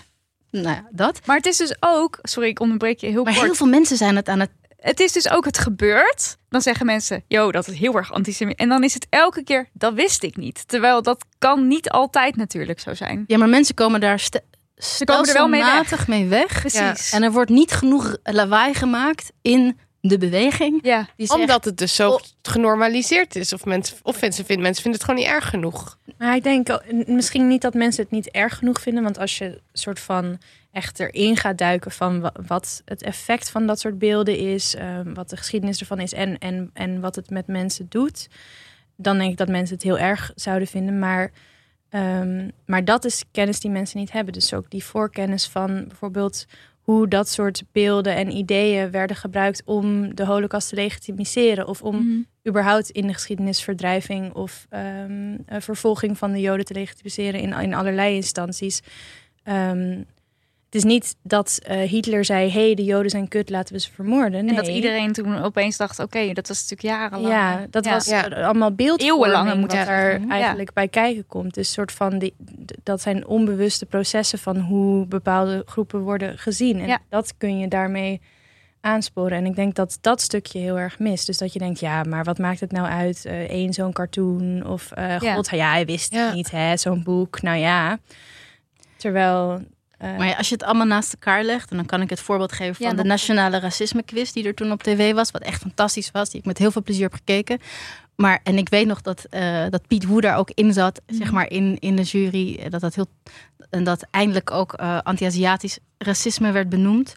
En hoe belangrijk dat was. Maar dat in die, he- er was geen vraag over Joden. Joden waren ook niet een categorie als ze gingen kijken naar eh, hoeveel mensen van kleur zitten er, zeg maar, in, eh, in, in, in besturen of directies of zo. Eh, Jood zijn was helemaal niet, het kwam helemaal niet aan de orde. Het wordt dan gezien als, als wit Als wit, mensen. ja. ja. Ja, en dat is. En Ja, eh, ik heb een witte huid. Dat kan niemand zien, maar dat kan ik gewoon nu eh, vertellen. Ehm, eh, maar inderdaad, die privileges zijn tijdelijk, één. En, en ten tweede, je bent nog Joods. Dus dat heeft allerlei implicaties. En dus dingen zijn niet zo simpel, zeg maar. Maar stelselmatig zien wij of ervaren wij dat, dat of ze zeggen... Nou, ze weten het niet over de Joden bij de Volkskrant. Nou, ze vergeten de Joden bij de racisme-quiz. Dit staat helemaal niet... Het is een soort blinde vlek die Ja. helemaal niet... eh, die staat helemaal niet op de agenda, zeg Ja, maar. En de nou ja, vraag is een ons, beetje... Ja, wij hadden dit ook. Ja. Ja. Ik ben heel blij dat jullie dit nu, want ja. Maar de vraag is... Wil je wel Wat doen we de vraag is... Nou, de vraag, nou, ik ga wel nog één voorbeeld geven. Ja. Want, ik, want die gaat echt over feminisme. Nou, in de Women's March, fantastisch. In hun logo zit een bliksemschicht. En dat is gewoon de bliksemschicht van de SS. In een aantal, eh, ja, ik heb hem, eh, mijn vriend heeft hem, mijn lief, mijn man, oh god. Die, oh, hmm. die heeft hem eh gefotoshopt voor me. Eh, met twee bliksemschichtjes. Dat is gewoon het SS-logo. Dit is de Women's March verteld door een vrijwilliger, een Joodse vrijwilliger in hun team een aantal jaar geleden. Ja. Ik weet niet even hoeveel, twee of zo, ik noem maar wat. En daar is toen niks mee gedaan. Dat staat ook nog altijd op ons lijstje, op ons to-do-lijstje om, om daar navolging aan te geven. Ja. Gewoon een gesprek. Maar het hele idee dat je een SS, een half SS-logo in je, eh, in je eh, ja, als logo. Gewoon al zelfs als je. je denkt, nou, dat valt wel mee. Dat idee. En als een Joods al- iemand zegt: Ja. dit is offensive, Ja, want het is Haal ja. het weg. Ja. Ja, en dat gebeurt dan niet. En dat zijn allemaal kleine dingetjes waar, waar, waarbij we gewoon heel veel moeten praten met mensen. En dat doen we ook echt. Dus zeg maar, dialoog en gesprek aangaan is allerbelangrijkste. En daar willen we echt tijd voor uittrekken. Maar de grote vraag die daaruit. Nou ja, ik wil Ja. er nog wel één ding over zeggen. Namelijk, zeg maar, ik kan me heel goed voorstellen dat zo'n bliksemschichtje in je, in je logo terechtkomt. Hè, zeg maar. En dat daar geen kwade bedoelingen achter zitten. Maar het is inderdaad een soort van de reactie op als iemand er wat over zegt. Dus oké, ik kan me minder goed voorstellen dat een pinnetje met een hakenkruis zo. Maar, maar, eh, maar zo'n maar zo'n logo, ja, dat, ik kan me voorstellen dat je dat niet aan elkaar verbindt. Zeg maar. maar als iemand er wat over zegt, dan om het dan serieus te nemen. Ja. En dan, ja, dat is eigenlijk ook misschien het antwoord op de volgende vraag. Maar wat, kun- Wat, je mag wat, hoe, hoe, fi- hoe fixen we dit? Dat is een hele grote vraag. Ja. Nou ja, vanuit ons gezien, vanuit niet-Joden gezien, luisteren. Nou ja. eerste. Want als ik het zo hoor, wordt er dus niet geluisterd en er wordt al helemaal niet op Mm. geacteerd. Maar het is eigenlijk ook meteen een soort van, valt wel mee. Of, Ja. ja. Nou ja, het eerste en wat ik heel interessant vind om bij mezelf te merken is dat ook nu ik hier zit en deze dingen zeg, denk ik gelijk bij mezelf. Oh ja, daar komt ze weer hoor, met haar holocaust en haar antisemitisme. En het is allemaal weer zo erg. Eh, wat een zeikert. Dus ook jezelf serieus Ehm, nemen. Ja. En, dus, en, en dat is wat ik denk ik van mijn omgeving heb geleerd. Van, Mm. nou ja, dat, eh, daar moet je maar niet al te veel over praten. Want, eh, dat, dus alleen al die reactie, eh, als, als degene om me heen tegen wie ik dat zou zeggen, die ook bij mezelf zouden kunnen wegnemen. Dus dan gaat het erom inderdaad met interesse luisteren. ehm, soort van vragen van, goh, hoe zit dat? Ehm, en, en ook geloven als, als, als Joden iets vertellen. En als Ja. Joden zeggen dat iets antisemitisch is. Ja. eh, dat serieus nemen en, en daarop handelen. Ik denk dat, dat dat gevoel bij mij al heel snel weg zou nemen dan. Maar dat, ja. Ditto. Ja, ik denk eh, luisteren en, en ons geloven. Want er, is, er is een mechanisme wat- wat, wat, ik heel veel zie eh, gebeuren, met name in de beweging, dus de intersectionele beweging. En dat is dat mensen of één Jood pakken of een Joodse organisatie, wiens naam ik niet zal noemen, eh, en zeggen: eh, ja, dat, zijn, dat is de mening van de Joden, dus zeg maar, daar ben ik echt tegen. Dus zeg maar, één, één organisatie pakken die, die het misschien niet zo goed aanpakt of wat dan ook, of die problematische uitingen heeft, of op het vlak van racisme of intersectionaliteit gewoon eh, niet goed meeloopt, of die antisemitisme, eh, eh, eh, hoe zeg je dat, weaponizen, dus inzetten om. Dat is nog wel moeilijk. Dus dat je, Hm. dat je roept, oh, dat is antisemitisch. Bedoel je zeg maar... eh, Nou ja, bijvoorbeeld zeg maar eh, an- antisemitisme eh, inzetten om eh, moslims te bashen. Dus om te zeggen, oh, alle, dat doet Thierry Baudet ook en Oh. Geert Wilders doet dat ook. Die zeggen alle moslims zijn Nou ja, hoef je ook niet te zeggen wat... Oh, Ja, zo, ze zeggen- ja. Dat, is wat, dat is wat ze dan zeggen. En, en daarom... Oh, zo eh, bedoel je het. Oh, oh, oké. Ja. Dus, oh, je, je, dus je moet. Dus dat is de slechte groep, want ze zijn antisemitisch. Ja, bijvoorbeeld- Dus mensen. daarom zijn we. Oh, oké. Ja. Ja. oh. Ja, maar ik, en dat is een hele goede. En ik bedoel juist ook als er, als er Joodse groepen zijn, er zijn ook Joodse groepen die eh, bijvoorbeeld antisemitisme gebruiken ook. Bedoel je, stel ik zou, zij, zij zeggen iets en ik heb daar commentaar op. Dat zij zeggen dat commentaar is antisemitisch. Bedoel je dat? Ja, om mensen mond dood te maken. Precies. Ja, dus Oh, in plaats zo, van het ja. gesprek aan te gaan. Kijk, sommige dingen zijn, heel, zijn antisemitisch als je zegt alle Joden moeten dood. Of an- hele an- erge dingen zoals dat, die heel duidelijk zijn. En sommige dingen zijn eh, echt wel heel problematisch. Maar om nou meteen te zeggen dat is antisemitisch en ik wil nooit meer van je horen. En dat, dat wordt soms ingezet. Ja, ja, ja. en, maar, maar het probleem, want dat is één ding, want dat heb je in. Dat heb je overal in de samenleving, zeg maar. Dat is niet uniek. Eh, maar waar de beweging of waar we met z'n allen iets aan zouden kunnen doen, is niet alleen maar zo'n club of zo'n persoon nemen en zeggen: nou, alle Joden zijn zo. Dus Ja. daarom, ben, daarom eh, is mijn reactie tegen jou zo. Want jullie doen toch altijd dit en dit en dat. Ja. Dus het algemeniseren. Ja. En, het, eh, en het andere is ook waar, namelijk er is één andere Jood in, die, in een beweging of een club. En die heeft een hele heldere mening, whatever. En dat is dan, oh ja, maar wij weten alles al, want, ja, we, want we hebben al een Jood. Zeg Oh maar ja, zo. ja, Dus ook, ook niet luisteren, want we hebben al een Jood die het met ons eens is. Dus als jij zegt dat iets antisemitisch is, dan ga ik er sowieso niet naar luisteren. Want mijn Jood, dus zeg Mijn maar... Nee, dat- ja, maar het is echt zo. Het is verschrikkelijk. Geloof het, maar het klinkt gewoon zo vreselijk. Mijn Jood en jouw Jood. Dus Ja. luister naar ons.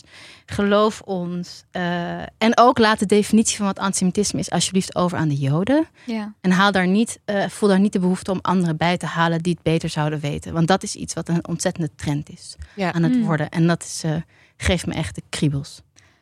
Ja, ik denk dat luisteren is toch ook wel echt iets wat altijd terugkomt. Van eh, luister nou eens gewoon naar de mensen die de shit meemaken. En doe, verder hoef je er niks mee te doen. Gewoon luisteren. Of vragen stellen. Ja.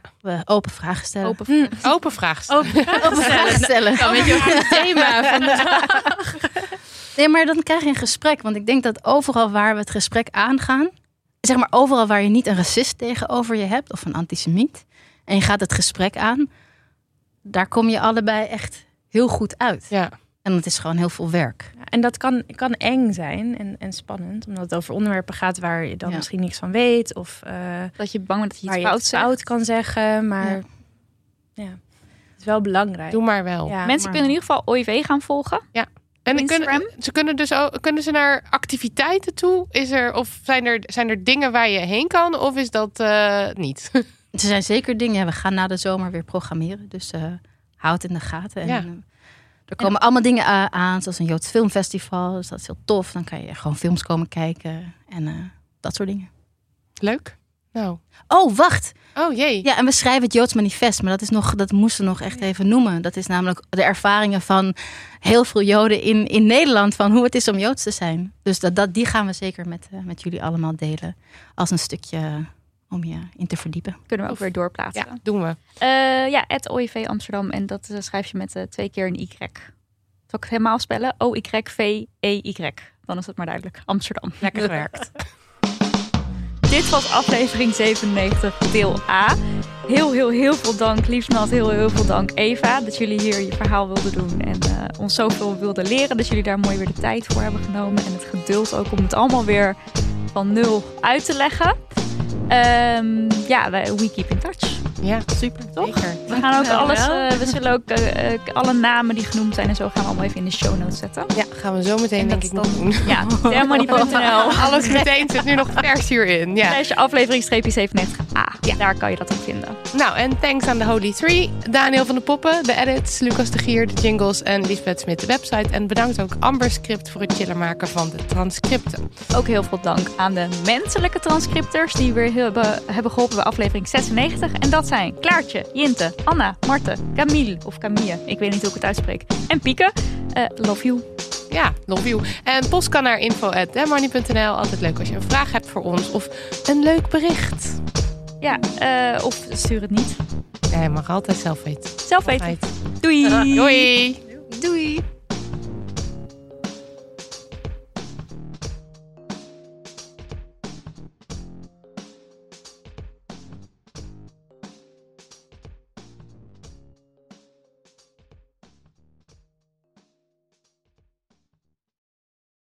Nog even over die grootse en epische muziektheatervoorstelling. Het achtste leven voor Brilka is een marathonvoorstelling van 5 uur.